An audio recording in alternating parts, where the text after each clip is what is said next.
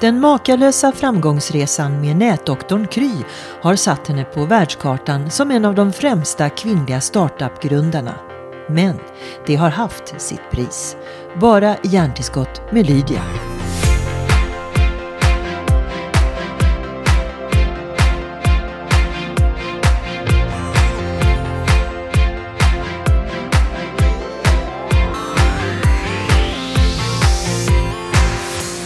Livet ut i startup-miljöer under pandemin? Är är allting som Exakt. vanligt? Jag tror att det skiljer sig lite. De här startupsen som har blivit större, om man säger som Kry, eh, då jobbar alla hemifrån. I, I vår startup Mantel, som vi är bara fyra anställda, eller fyra i teamet, vi är ganska mycket på plats på vårt kontor, där vi kan hålla avstånd och... eh, Så är ni bara fyra också? Vi är bara fyra. Mm. Känns ju smutt. Ja, och att eh, nästan alla bor ensam. Alltså, det, man, man, vi är någon sorts liten familj, tänker vi. Mm. Du, välkommen Josefin Langgård. Tack så mycket. Säga. Ja. Du, jag, jag känner så här, vi måste reda ut en grej. För att jag har ju läst om dig. Ja. Och du, för det första är du ju Dalkulla från Leksand. Ja, det är det. Va- Vad tog dalmålet vägen? Ja, det var två veckor på Handelshögskolan så var det borta. Men jag tror att jag alltid har så här, härmat väldigt mycket. Nu har jag ett problem, jag tittar mycket på eh, The Crown på Netflix eh, om Queen Elizabeth och allting. Och då har jag börjat prata med liksom royal accent på engelska. Det är ju inte bra. Eh, och, Men vänta lite, det här är så roligt. För jag har exakt samma upplevelse. Och en talarcoach som har coachat de skådisarna Ja. har sagt att om du vill säga yes som the royal så ska man tänka på ears. Så det blir yes. Yes. så att jag är hooked på det där också. Ja. Vad lustigt, förlåt att jag avbröt det men det var så Ja, nej, lustigt att men- du också... Och jag, jag eftersträvar inte det här egentligen, men jag börjar skratta åt mig själv för att eh, barnens pappa, mitt ex, han är engelsman, så jag pratar en del engelska med honom och så har vi några i teamet på Mantel som jag pratar engelska med. Och jag bara, men vad har hänt med min engelska? Nej, men jag tror helt plötsligt att jag är British Royal Family liksom. så jag tror att jag är en person som helt enkelt anpassar min dialekt väldigt mycket. Och när jag bodde i Halland så pratade jag ganska mycket halländska. Så att det liksom bara blir så. Men när jag började på Handelshögskolan i alla fall så försvann dalmålet. Och jag kan erkänna att jag har samma erfarenhet. Född i Borås, uppvuxen i Skåne, totalt eh, dialektalt förvirrad. Pratar göteborgska när jag umgås med göteborgare och sen slutar jag ungefär vid Skövde och så är det normalt igen. Liksom, eller- Så att ja, någonting konstigt är det. Men jag har hört att då är man musikalisk när man är så adaptable. Just det, ja men lite kanske. Eller jag tycker väldigt mycket om att sjunga, eller tyck, tyckte det. Du ser. Ja. Eh, men, men Dalkullan, jo, och vad jag ville komma till det är att här sitter en tjej framför mig som då dels eh, född och uppvuxen i Leksand eh, och ville vinna OS på skidor Ja. och till och med golf var du inne på. Vad hände, stackars flicka, tänkte jag säga. Vad hände? Ja, stackars föräldrar skulle jag säga som fick en sån här driven eh, liten person eh, till sig. Eh, nej men jag har nog alltid eh, velat en massa saker. Och, ehm, och fått då möjlighet av mamma och pappa att få göra det. Så jag tvingade dem att få börja tävla i skidåkning när jag var sex. Var de också lika drivna i, i allt möjligt? Eller? Eh, ja, men mamma är nog det. Eh, Pappa har lite annan personlighet. Så jag tyckte ju också kanske mer om att ha med min pappa på tävlingarna. För mamma var ju så nervös att eh, hon liksom bröt ihop om jag körde ur då när jag var sju år gammal. Så att, Här sitter jag och ler, men det är ju jättesorgligt. Ja, jag förstår. Ja, nej men nu, vi skrattar åt det. Men eh, ja, hon har nog verkligen så här tävlingsinstinkt, kan man säga. Men, och jag vet inte om det är så mycket det. Eh, jag, jag gjorde någon så stor psykologisk utredning när jag trodde att jag skulle ta anställning på Spotify ett tag. Sen bestämde jag mig för att inte ta det jobbet. Men då hade de gjort en massa tester och utredningar på mig och fick göra så djupintervju med en psykolog. Superspännande. Och då sa han så här, du är inte så mycket tävlingsmänniska egentligen. Du vill bara så här, göra ditt bästa hela vägen. Eh, och gillar upp någon mål. Och det tyckte han var lite annorlunda. Och tänkte, ja, det kanske faktiskt passar ganska bra. Jag är inte så här som inte klarar av att förlora på spel till exempel. Det är liksom helt okej. Mm. Men, men tror du idrotten och och eh, den här eh, entreprenörandan du har, har någonting gemensamt? Ja, det tror jag. Så att eh, när man vill bli, vinna OS då i att åka skidor så var ju det hela mitt liv. Eh, och om man är 11 år gammal och sen vill vinna OS så är det ju några steg att ta på vägen. Och det är där som jag kanske tycker är ganska likt med att försöka bygga stora bolag. Och jag tror att jag är van med att man kan ha ett väldigt stort mål. Det betyder inte att man kommer uppnå det inom någon kort tid, utan man får liksom bryta ner det. Med skidåkningen så var liksom första steget var att komma in på skidgymnasiet och få den chansen och möjligheten att träna på det sättet. Och sen därifrån göra sitt bästa igen. Och sen då när jag var 18 och gick i tvåan på gymnasiet så såg jag att nej, men det kommer inte hålla hela vägen, så nu får vi göra en annan plan här. Eh, det vill säga, jag kommer inte vinna OS och om man bara kanske kan få vara med så är det nog inte värt allt det här längre. Eh, och då valde jag att se mig om efter en annan möjlighet och då hittade jag Handelshögskolan som en sån här potentiell grej. Vad hände med golfen i USA då? Jo, och då innan jag åkte iväg så hade jag bestämt mig för att jag skulle ta ett, eh, ett break och resa och göra någonting annat. Eh, och då åkte jag till Kalifornien och var barnflicka ihop med, med min barndomskompis. Och hon spelade då väldigt mycket golf, så att vi började spela mer golf när vi var i Kalifornien. Och då stod jag på någon ranch där och blev erbjuden ett scholarship i USA. Det låter jättekonstigt nu när jag säger det, men så var det. Men du Eh, måste ha otroliga skills eh, Ja, men på sportmässigt, eller på vissa... Ja, ja, på vissa grejer ska, har jag nog det. Ja. Ja, Ja. Fantastiskt. Men det blev ju inget av det. Det blev inget av det, utan då valde jag... Jag höll på med golfen ett tag och sen eh, eh, så valde jag att börja på Handelshögskolan och då var det för svårt att liksom kombinera och få ihop det där. Men innan vi kom, hamnar på Handelshögskolan, Mm. ditt visum rök i USA. Ja, precis. Ja, Det måste var- du berätta mer Ska jag om. berätta mer? Ja, men jag tänker, Ja, men- kommer du in i USA nu? Nu gör jag det. Det var tio år som jag inte fick åka dit. Och då var det ju flera kompisar som frågade, men hur ska du kunna sälja dina bolag Josefin om du inte kan åka till San Francisco? Ja, det, men det var ju så. Och jag fick inte åka iväg på mitt golf scholarship då, eftersom jag blev nekad att åka in i USA. Och skälet var? Att jag hade jobbat illegalt som barnflicka. Tänk vad, vad lite som behövs för att stjälpa och få livet att gå andra vägar. Ja, verkligen. Men det var den direkta orsaken till att du faktiskt sökte in på Handels. Ja. Och sen då? Va, va, alltså, men ändå, alla blir, eh, startar inte företag. Fyra bolag och du är 35 va? 37. 37. till och med. Ja, ja nej, men det, det blev eh, också någon sorts lycklig slump tror jag. Jag, jag pluggade på Handelshögskolan eh, och eh, jobbade extra som tränare i Saltsjöbadens slalomklubb. Eh, eh, Eh, för de hade ganska tydligt där från klubbarna, jag tror att flera av klubbarna har det fortfarande, att det har varit nästan som en tradition att många alpinåkare har gått på Handels. Och då utnyttjar, eller liksom använder de här skidklubbarna, de här duktiga för detta åkarna i, i klubbarna som tränare till kidsen och sen så får man ett nätverk då, så som jag hade ju inget starkt nätverk i affärslivet i Stockholm när jag flyttade hit. Så då blev jag erbjuden det lite i utbyte mot att jag tränar de här kidsen. Och eh, via det så kom jag i kontakt med en entreprenör som heter Anders Lövbrand och fick chansen att börja jobba tillsammans med honom. Och han hade då byggt två bolag innan och sålt ett 99 och hade massor med erfarenheter.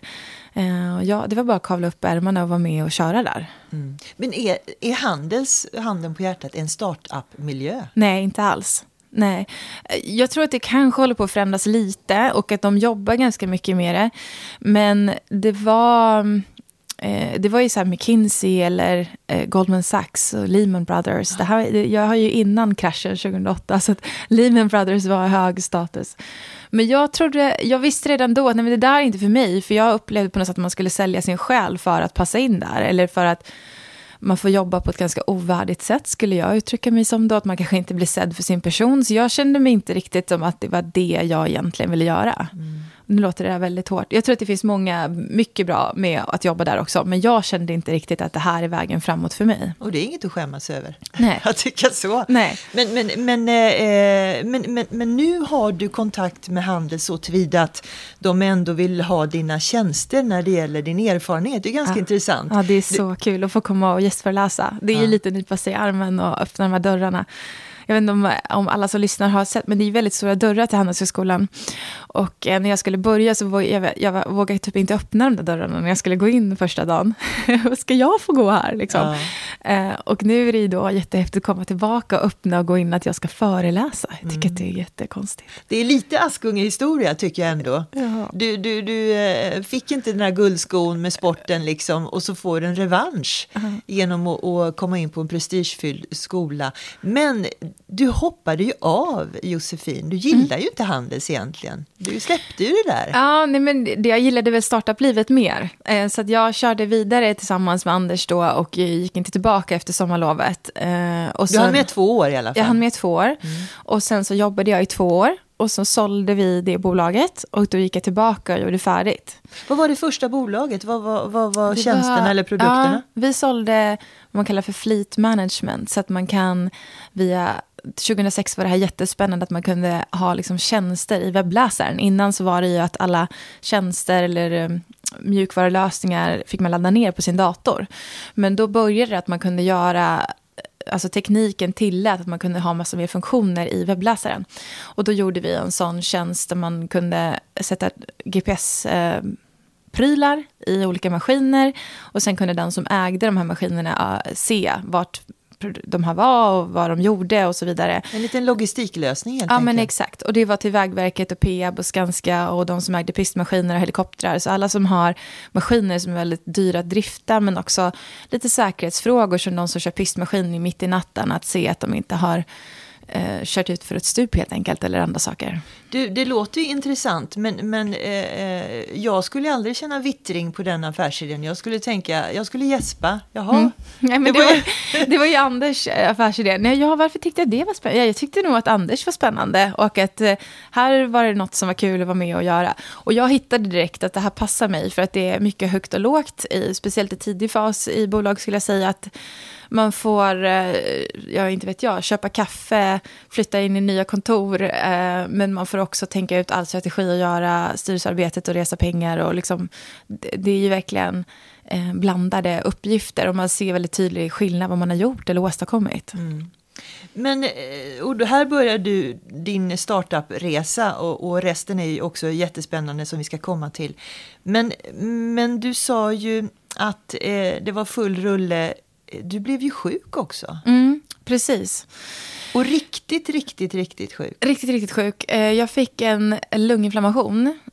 Och jag visste redan innan att jag, jag var så konstant förkyld, jag var liksom hängig, jag kände att jag är väldigt stressad. Jag vaknade på nätterna och mejlade med dem vi jobbade med i Kina och jag liksom kände att det här är nog ingen hållbar situation.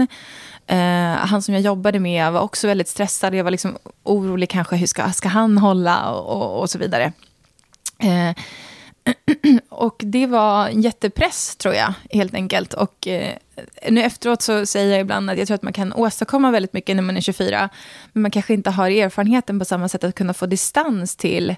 Det är inte, allt är inte liv eller död och man måste kunna distansera sig till vad som händer för att också få ro och återhämtning. Eh, jag tror att det var en av de lärdomarna jag, jag fick med mig. Men jag fick helt enkelt en, en lunginflammation och eh, då hade jag så dåligt immunförsvar så att jag fick eh, NPM heter så jag fick en varhärd i lungsäcken. Och det får man inte om man inte har liksom, leukemi eller är jättegammal. Så att de var, det tog en lång stund också innan de upptäckte att det var så här, eller en lång stund, men det var en vecka, men det var liksom fem besök på akuten och jag kunde inte andas. Och, ja, det var jättejobbigt. Mm. Så corona i början när det kom, det var tufft, för jag fick så mycket flashbacks till att det här som kallas för andhunger, alltså att man drar efter andan och får inte luft, det är ju väldigt obehagligt. Mm. Vad lärde du, du dig av den perioden då? Men väldigt om din mycket, kropp, om dig själv? Ja, jag fick en livskris efter det där. Eh, jag trodde det var så här man skulle leva livet, men det ledde till att man kunde dö. Liksom. Jag så, blev så sjuk så jag kunde ha dött. Eh, jag, jag gör ju uppenbarligen någonting fel.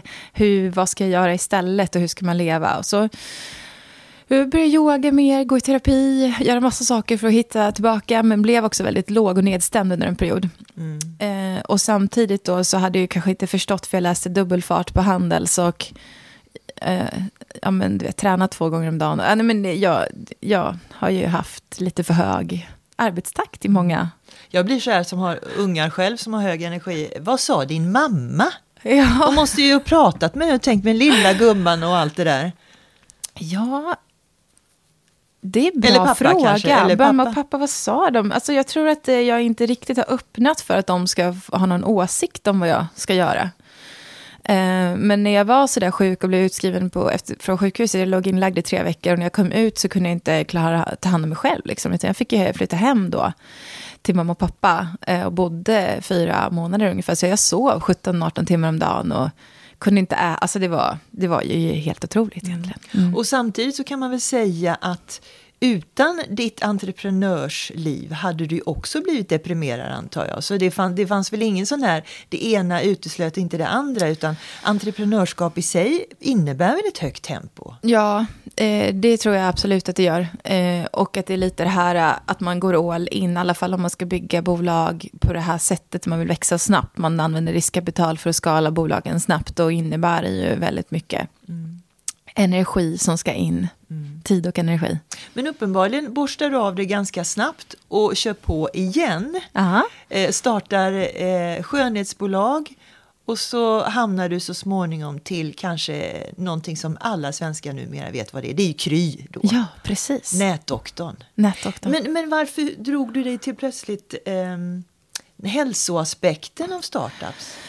Eller det kanske var ganska ja, logiskt nu när jag... Nej, men jag tror att jag har jobbat inom olika branscher. Så att emellan det här eh, så, så var det ju några olika grejer som du säger att jag gjorde. Och eh, jag har nog tjusats mer av att här finns en möjlighet att bygga någonting. Eh, alltså det, det är någonting som är nytt, det är någonting man kan göra. Och, och det finns ju massa idéer inom massa olika områden. Så jag har inte hållit mig till en bransch, utan liksom hållit på med olika idéer.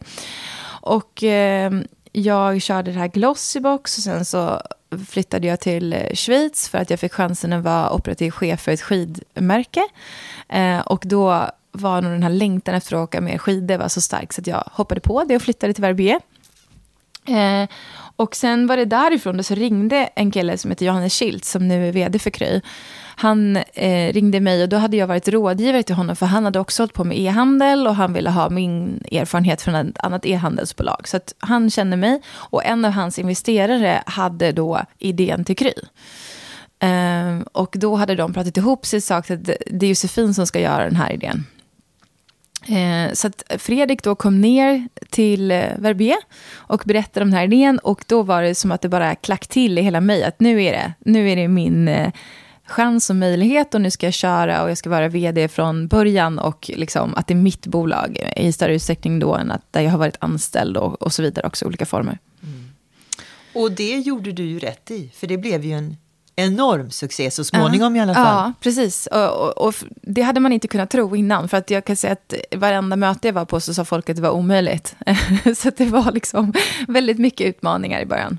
Mm. Vad var det som till slut gjorde att folk faktiskt förstod att det skulle bli något stort? Um, var det någon det, tipping point? Ja, det var någon tipping point. Alltså dels så, vi förstod nog att det här var ett spännande koncept, men förstod att det skulle vara svårt att få ut det och att folk vill inte betala privat för vård i Sverige och Europa, utan vi vill ju att det ska vara landstingsfinansierat, det är det man är van med. Eh, och eh, där visste vi att på något sätt skulle vi få lov att få betalt för våra tjänster. Och när vi startade så fanns det ingen möjlighet att få betalt för videosamtal. Så det var ju en sån här stor utmaning. Och den andra var ju att bara få ut det här till konsumenter och få dem att prova. Eh, och vara och lagligt. tro på det. Ja, ja. ja, exakt. Och ett, som i, början var det många som frågade, liksom, är det en riktig doktor? Nej, vi bara, nej, nej vi är ju låtsasläkare i vår tjänst. Nej, men det var liksom mycket kring att Nu var hon ironisk kan jag säga till, till lyssnarna.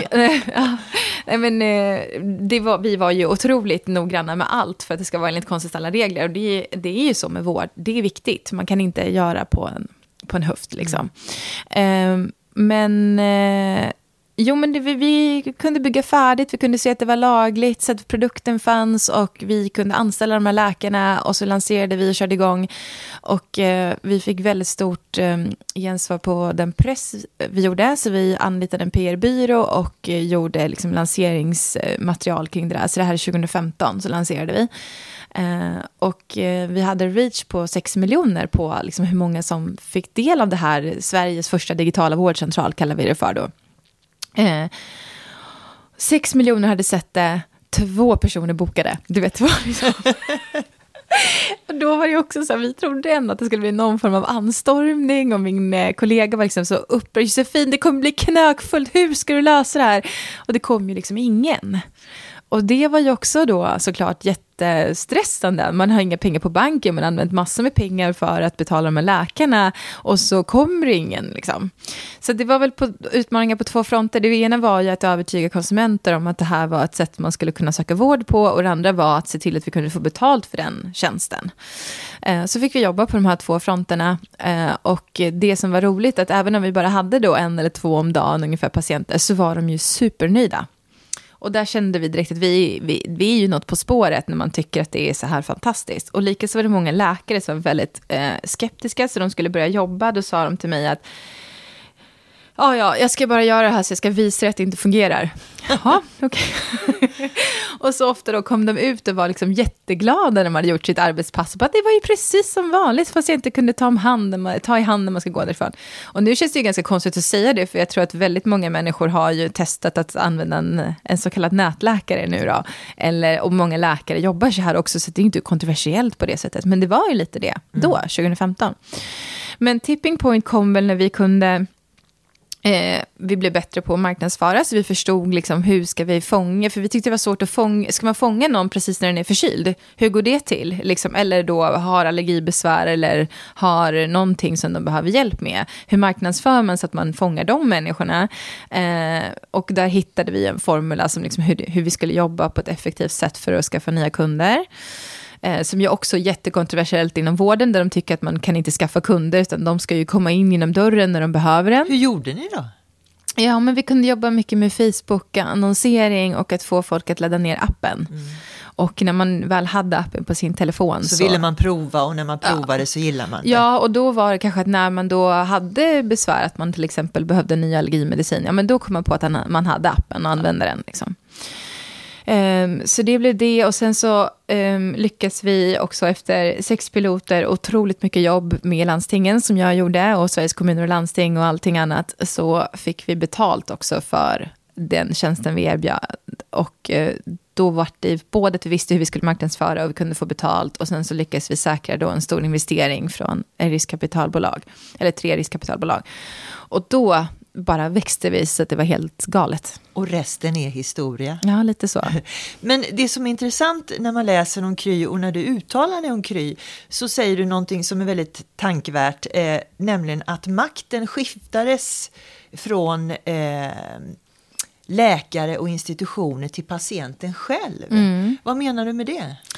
Ja, jag... Och det var, det var väl det som också blev paradigmskiftet lite grann, att ni puttade den här eh, situationen lite över kanten. Att nu är det jag som individ som bestämmer när och hur och allt det där. Eller? Ja, absolut. Jag tror att det har funnits kulturellt en ganska stor del i att man ska vara tacksam att få komma och träffa doktorn. Och liksom, om man tänker bara, jag tittar med mina barn på Emil i Lönneberga, när de går till doktorn så är det liksom, man tar på sig sina finkläder och man tar av sig hatten och man bugar för doktorn och liksom hela tack snälla doktorn att jag ska få komma. Och det där har ju på något sätt levt kvar, att man ska vara väldigt tacksam att man får komma dit överhuvudtaget. Eh, och, och det tror jag inte är, är så bra. Och all forskning visar ju nu att ju mer engagerad patienten är i sig själv i sin hälsa och sin sjukdom, desto bättre utfall får man. Så att man vill ha ett ganska, ja som ett teamwork mellan läkare och patient. Och har man den här andra maktbilden, att liksom tack snälla nu ska jag komma och bli tillsagd vad jag ska göra, så får man ju inte den dynamiken. Så ett sätt att påverka den här maktbalansen skulle jag säga att patienten själv kan välja när man ska få ha det här besöket, man kan välja vem man vill träffa. Eh, vi utvärderar alla läkarna, inte bara på liksom, medicinska eller vi, de på Kry, jag är inte kvar. De på Kry utvärderar inte bara på eh, liksom hur, hur bra medicinska beslut man fattar, men också på hur man gör sitt bemötande och, och hur, vad patienten tycker om det här mötet. Mm. Och jag tror att det är väldigt viktigt, men mm. också något som har provocerat mycket. Som du själv sa, ni är någonting på spåren, eller ni var. Nu ja. har ju du lämnat Kry och startat andra bolag, men, ja. men, men det finns någonting här, för hälsa, eh, som du säger, har varit en maktfaktor. Nu ska inte jag berätta mm. saker som du redan vet, men mm. apropå hälsa. Kry var ju din bebis. Ja. Och inte nog med det, så gjorde du egna bebisar. Ja. och där, där, känner jag verkligen, vad duktigt, istället för att säga hur orkade du, för uppenbarligen gjorde du det. Ja. Eh, men efter lunginflammationen, stressen och allt det där, så måste jag ändå ställa frågan, hur fick du ihop det? För du, du gjorde barn, du gjorde företag, du, du separerade till och med från dina Ja. barns pappa då.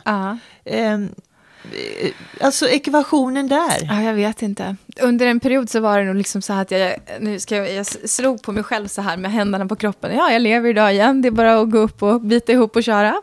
Eh, men ja, nej, men det har varit, det var rätt full on, det får jag säga. Eh, och, att, och att få ihop allting. Mm. Mm. Men eh, Kry var ju min första bebis och sen fick jag ju två små pojkbebisar också. Eh, och då kunde man ju inte lämna den här första bebisen utan vi har fått ihop det och deras pappa har ju hjälpt till jättemycket. Eh, men eh, det är klart att det är en av de delarna till nu när jag inte är kvar på Kry att jag har mer tid med mina barn och mer flexibilitet. Eh, så. Var det främsta skälet till att du faktiskt bytte bana lite grann och lämnade din, din bebis där Kry? Ja, nej, men jag ville gå vidare och göra någonting nytt. Och efter jag hade varit ledig med mitt andra barn så var det inte riktigt samma. Kry hade blivit en väldigt stor bebis med många hundra anställda. Och då kändes det som att nej, men här finns det Eh, möjlighet att gå vidare och göra någonting nytt. Och från början var jag vd och sen var jag operativ chef. Så att då var det ju på ett annat sätt. Men du har ändå stannat kvar när det gäller eh, wellness tech som jag har lärt mig att det heter. Ah. Eh, och har startat Mantle och ni säljer bland annat en omstridd CBD-olja. Och det här med omstridd tycker jag är ganska intressant. Först ska vi bara berätta, vad är CBD och vad är det bra för eller emot? Så att vi hänger på. Precis. Ehm, CBD är ett extrakt från hampaplantan. Och jag tror att det som gör att det är så omstritt är att man, många då kopplar ihop det med cannabis och att, att det är någon sorts drog. Men det är inte betraktat som en drog, den är laglig och substansen är laglig. Eh, och den kan man säga verkar balanserande och lugnande.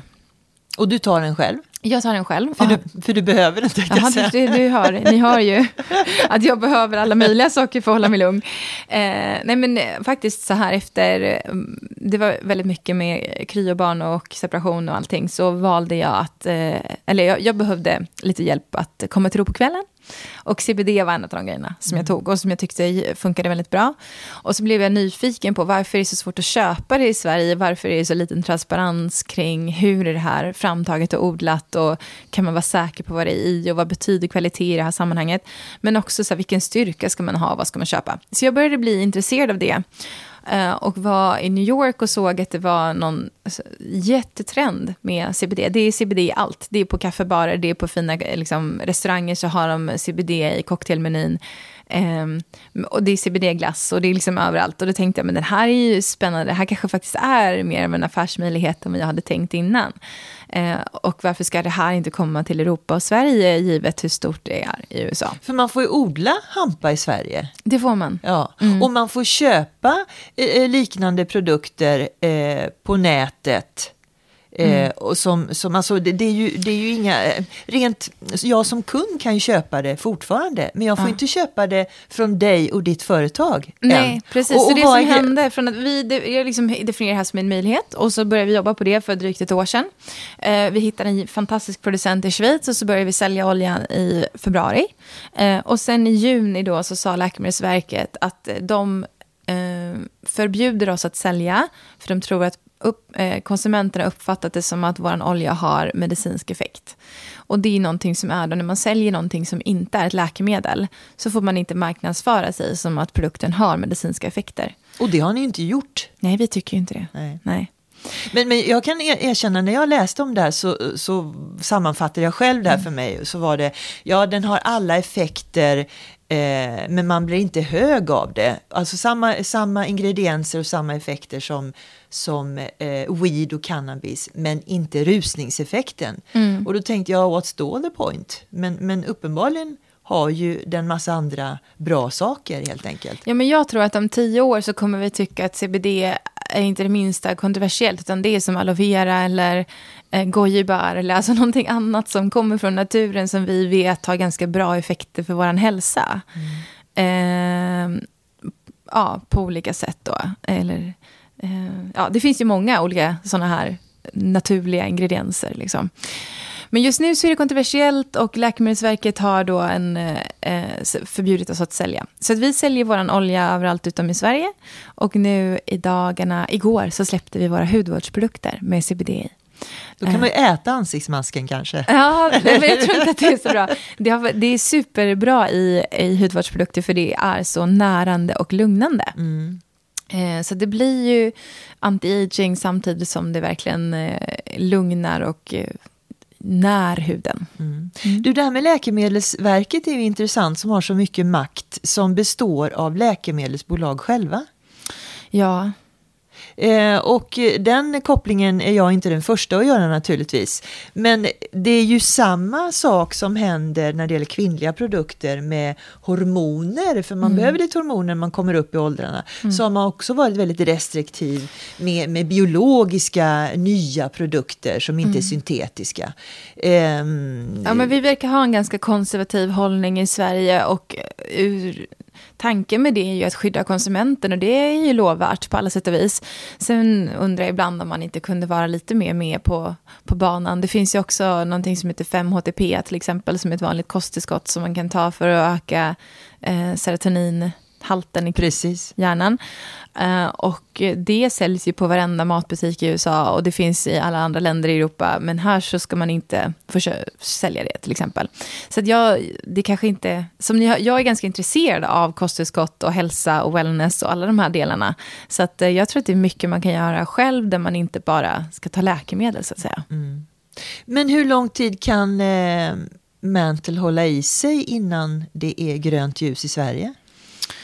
Jo, men vi har två processer som händer här samtidigt. Dels så håller EU på och reglerar CBD-försäljningen. Och det, när det är klart, då säger Läkemedelsverket att då följer vi såklart EUs linje. Och sen har vi då eh, överklagat deras beslut till förvaltningsdomstolen. Och sen vilket som händer först, antingen att förvaltningsdomstolen ger oss rätt eller att EU reglerar färdigt, det vet jag inte. Men det är väl, eh, vi håller ut tills dess och så länge så säljer vi våra superbra hudvårdsprodukter och så säljer vi oljan i resten av Europa. Mm. Men du, jag tänker, det, det har ju inte varit eh, en spikrak väg på dina företag. Det är ganska krångligt och bökigt. Är det krångligheterna som hittar dig eller är det du som går igång på när det är bökigt? Ja, men jag tror att jag gillar utmaningar, men sen tror jag också att de större idéerna, det är ju som allt som är lätt redan gjort kan man säga det som. Eh, och eh, Martin Lorentzon som startar Spotify, han brukar säga något som jag gillar väldigt mycket, att eh, värdet på ditt bolag kommer vara summan av alla utmaningar du överkommit. Så att det är klart att tar man tag i en lite, om man ska säga en större idé då som Kry var, så är potentialen mycket större. Eh, man kan bygga det till ett jätte, jättestort bolag än om man tar en liten mindre idé. Och nu, hela CBD-branschen växer ju extremt mycket. Och den växer både med inom mat och eh, dryck, den växer inom läkemedel och den växer inom det här som vi säger, liksom wellness-spår med hudvård och kosttillskott. Så att eh, det tycker jag är spännande. Sen att det är regulatoriskt krångligt, ja men det kommer på köpet liksom. Men du eh, fortsätter ju investera i andra bolag fast, fast du driver ditt eget. Mm. Vad håller du utkik efter? Um, men från början så hade jag ganska mycket hälsotech-tänk, precis också när jag hade lämnat Kry och tycker ju att hela det området är väldigt intressant. Det är väldigt intressant att vanliga vården så att säga ska gå övergå till att vara mer proaktiv, kanske mer jobba med hälsa än sjukvård, hälsovård än sjukvård. Ehm, och allt som är, kommer med det, och det handlar ju om att de som är kroniker kan få bättre hjälp med sin kroniska sjukdom genom digitala verktyg och olika saker. Um, och eh, alltså det finns ju hur mycket som helst inom hela hälsotech-spacet som jag tycker är väldigt spännande. Så jag har gjort en del investeringar inom det. Eh, och sen har jag också eh, nu gjort några mer som är mer konsumentprodukter. Och det är nog mycket för att jag tycker att det är väldigt kul.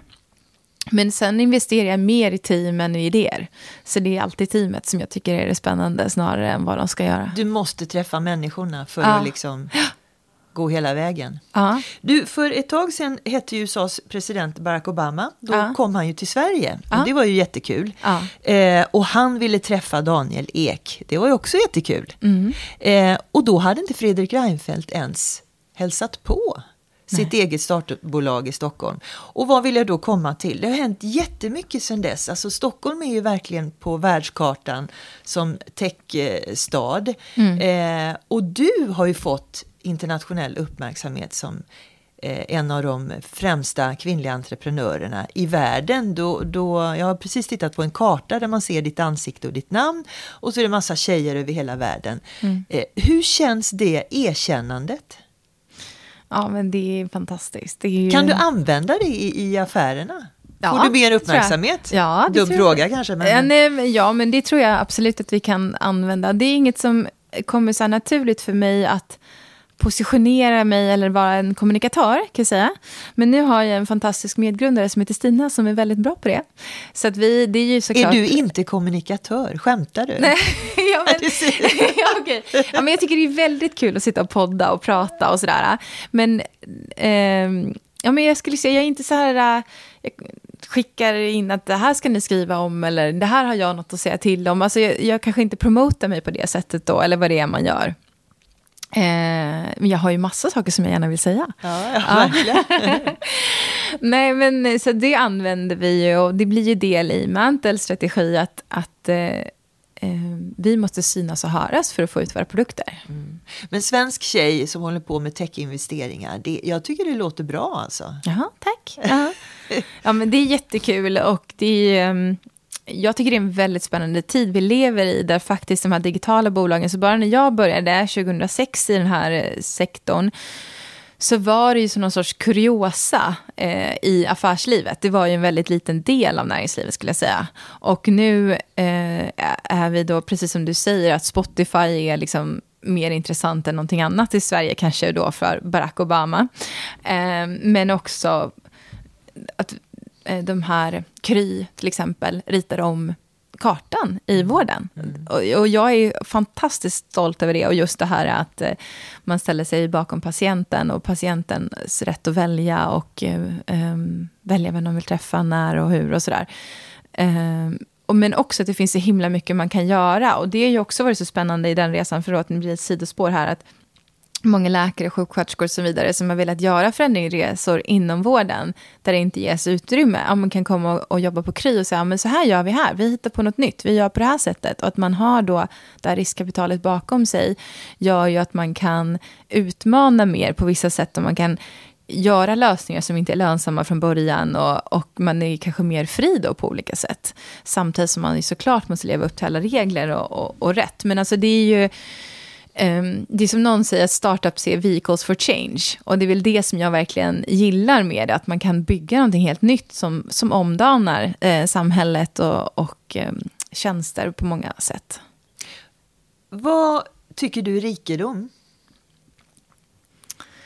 Frihet. Uh, ja.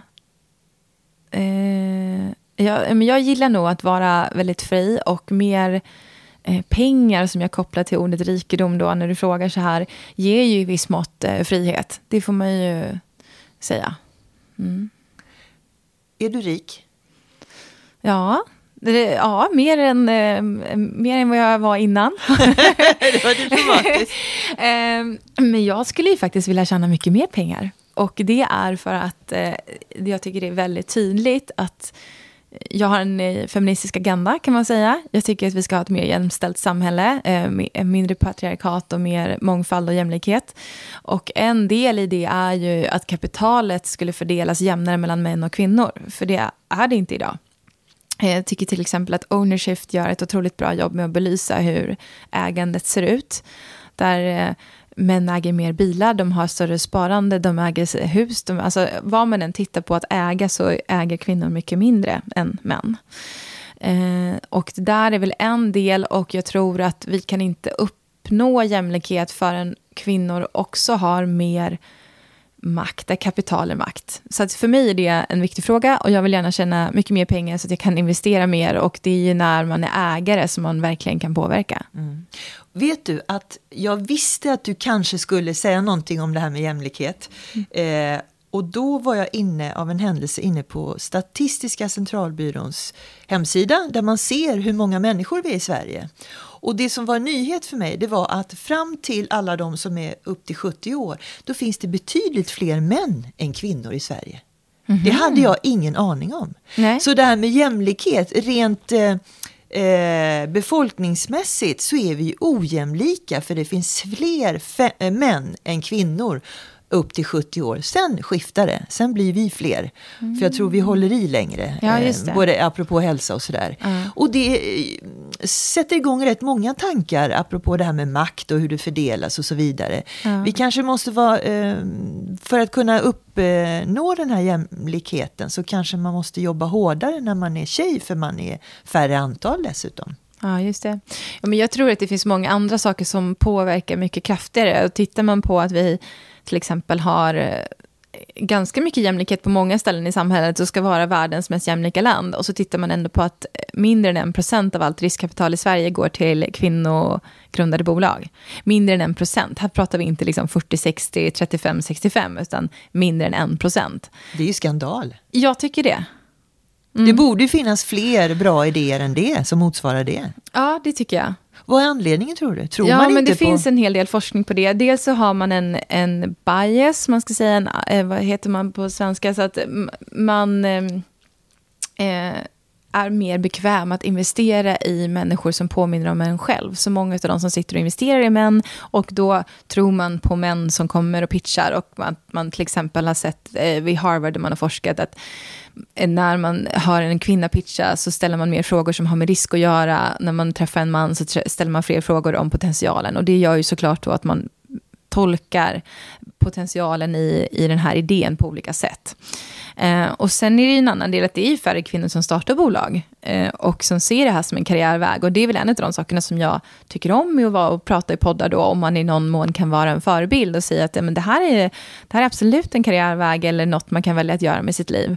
Som till exempel ger mycket frihet och jag tycker att det är så drömmigt att få sätta ett mål och uppnå det. Alltså att man jobbar mot det. Man sätter själv agendan. Det är ju superkul. Mm, ja, jag håller med dig. Frihet är ju en ganska cool grej att ha mycket av faktiskt. Ja. Men ändå den här utmaningen som du gör, utsätter dig själv för hela tiden. Det är ju roligt, du måste ha kul på vägen. Ja, jättekul. Men efter allt detta, du är ändå bara 37 år, du är inte ens medelålders ännu så du har ju rätt mycket kvar att göra. Finns det någonting fram till nu som du ändå ångrar? Jag tänker inte så, men det är klart man lär sig massor med saker hela tiden att, som du hör, jag skrattar att jag pluggade dubbelt och gjorde sju andra saker och att man liksom, varför valde jag inte att hoppa på det där som vart ju jättebra. Alltså varför tackade jag nej till att jobba på Spotify? Det, vilken idiot jag var. Men å andra sidan, så här, det ledde ju till att jag sen startade Kry. Så att, jag menar, det, livet är väl sånt. Jag tror inte att det är, vi är betjänta av att ångra saker. Det tror jag du har väldigt rätt i. Mm. Jag är glad över att du inte hann ångra dig för att komma hit i alla fall. Du kom. Ja, ja absolut. Tack så mycket. Josefin Landgård. Tack så jättemycket.